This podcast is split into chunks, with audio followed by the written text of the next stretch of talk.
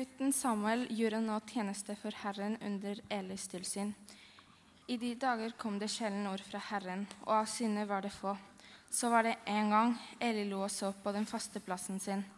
Øynene hans var så svake at han kunne ikke se. Guds lampe var ennå ikke sluknet, og Samuel lo i Herrens tempel, der Guds paktkiste sto.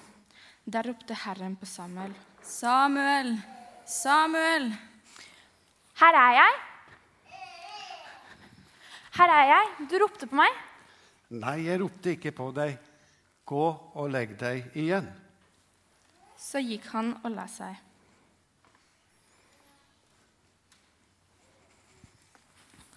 Da ropte Herren en gang til. Samuel! Her er jeg. Du ropte på meg. Nei, jeg ropte ikke på deg. Gå og legg deg igjen.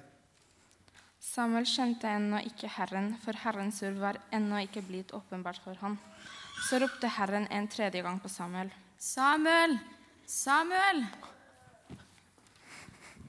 Her er jeg. Du ropte på meg. Da forsto Eli at det var Herren som ropte på gutten, og han sa til Samuel. Gå og legg deg. Og roper han på deg igjen, skal du svare, tal, Herre, din tjener hører. Så gikk, han, så gikk Samuel og la seg på plassen sin. Da kom Herren, stilte seg foran ham og ropte som før. Samuel! Samuel! Tal, Herre. Din tjener hører. Nå vil jeg gjøre noe i Israel som får det til å ringe for ørene på hver den som hører om det.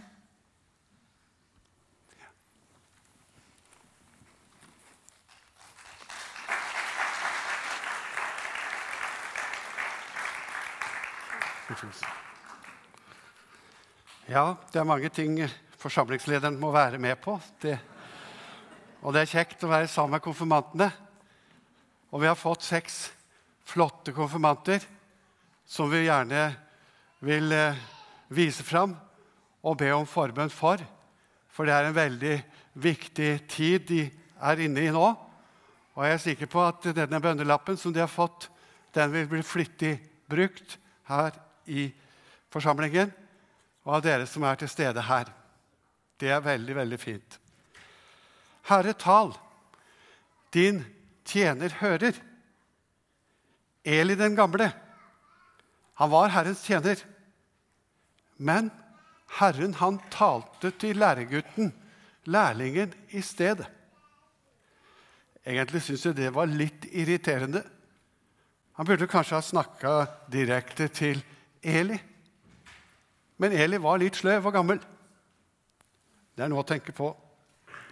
Slik kan det være med oss også, at Gud taler til de unge i stedet for de gamle, fordi vi gamle kan ha blitt sløve.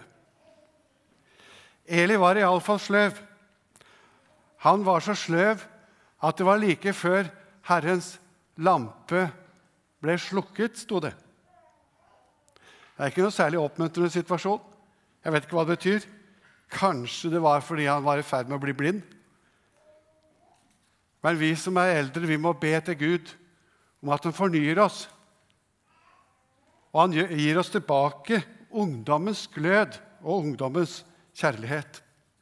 Og tenker vi litt etter, så er det ofte sånn at vi eldre vi mister kanskje litt av gløden og litt av engasjementet ettersom årene går. Og så er det en statistikk som jeg har lyst til å peke på, som viser oss også det. At de fleste som blir kristne, de har blitt det når de har vært svært unge.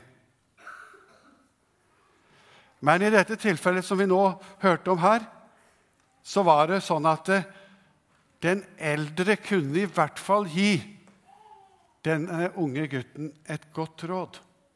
Jeg syns det er noe vakkert i det. Vi hadde for en tid tilbake et seminar der hvor vi etterlyste åndelige foreldre.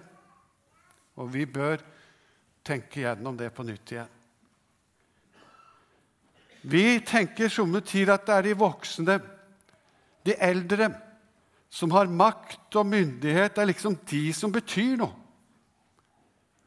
Og Vi skal ikke undergrave deres betydning. Men Jesus snur dette litt på hodet. Han setter barna i sentrum. Og uten at dere blir som småbarn, kan dere ikke komme inn i Guds rike. Og i Salmenes bok står det slik.: Fra barns og diebarns munn har jeg grunnfestet en makt. I Salme 8. Er ikke det rart? At det finnes en makt i barn og diebarns munn. Et annet sted så hører vi om at vi er i Guds hånd. I Guds hånd. Og ingen, står det, kan rive dere ut av min fars hånd. Det er et fantastisk ord. Så er det da slik at det er fars hånd som er styrken. Barnas styrke er ikke hos dem selv, men den er i Guds hender. Tenk deg Guds hånd, stor og mektig, som har skapt himmel og jord. Og du som tror på Jesus, du er midt i denne hånda. Du er midt i Guds omsorg. Derfor er det en som er, står det i Bibelen at djevelen, den vonde, han går omkring som en brølende løve. Men han kan ikke gjøre dem noe som er i Guds hånd. Når du er i Guds hånd, så er du beskyttet ifra alt vondt. Ingen makt i himmel eller jord klarer å rive deg ut av Herrens hånd. Derfor må han gå omkring og rope og skrike og brøle for å kanskje skremme deg ut. Det er ikke så rart at Jesus sier at du, det er hos barn, diebarn, og at det er der styrken er. Det er når du har den barnlige tillit til Gud, at du er sterk.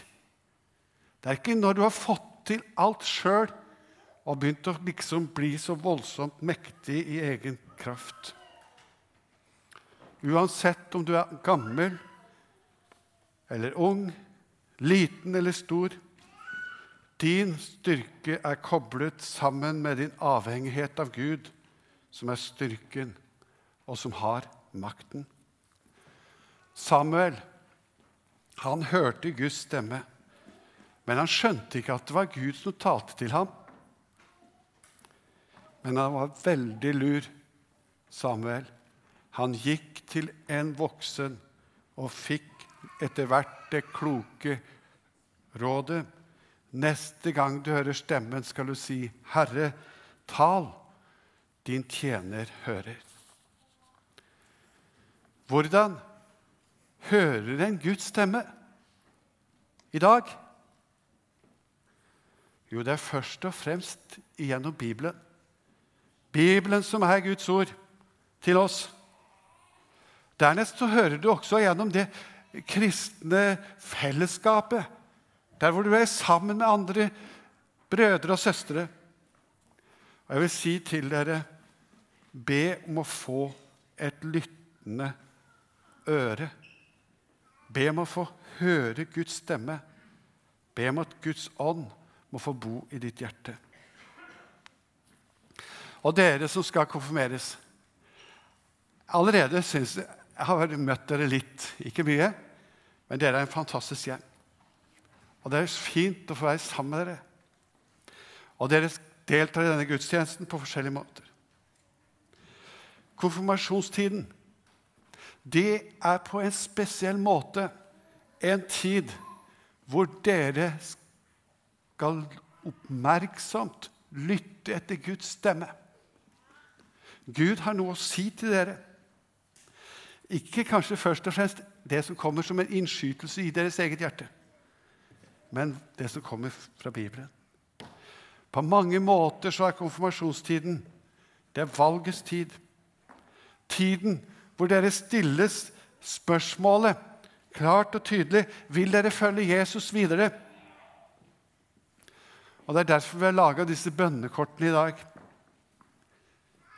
For at folk i forsamlingen skal be til Gud, slik at dere får hjelp til å ta det riktige valget, nemlig å følge Jesus når han kaller dere til etterfølgelse.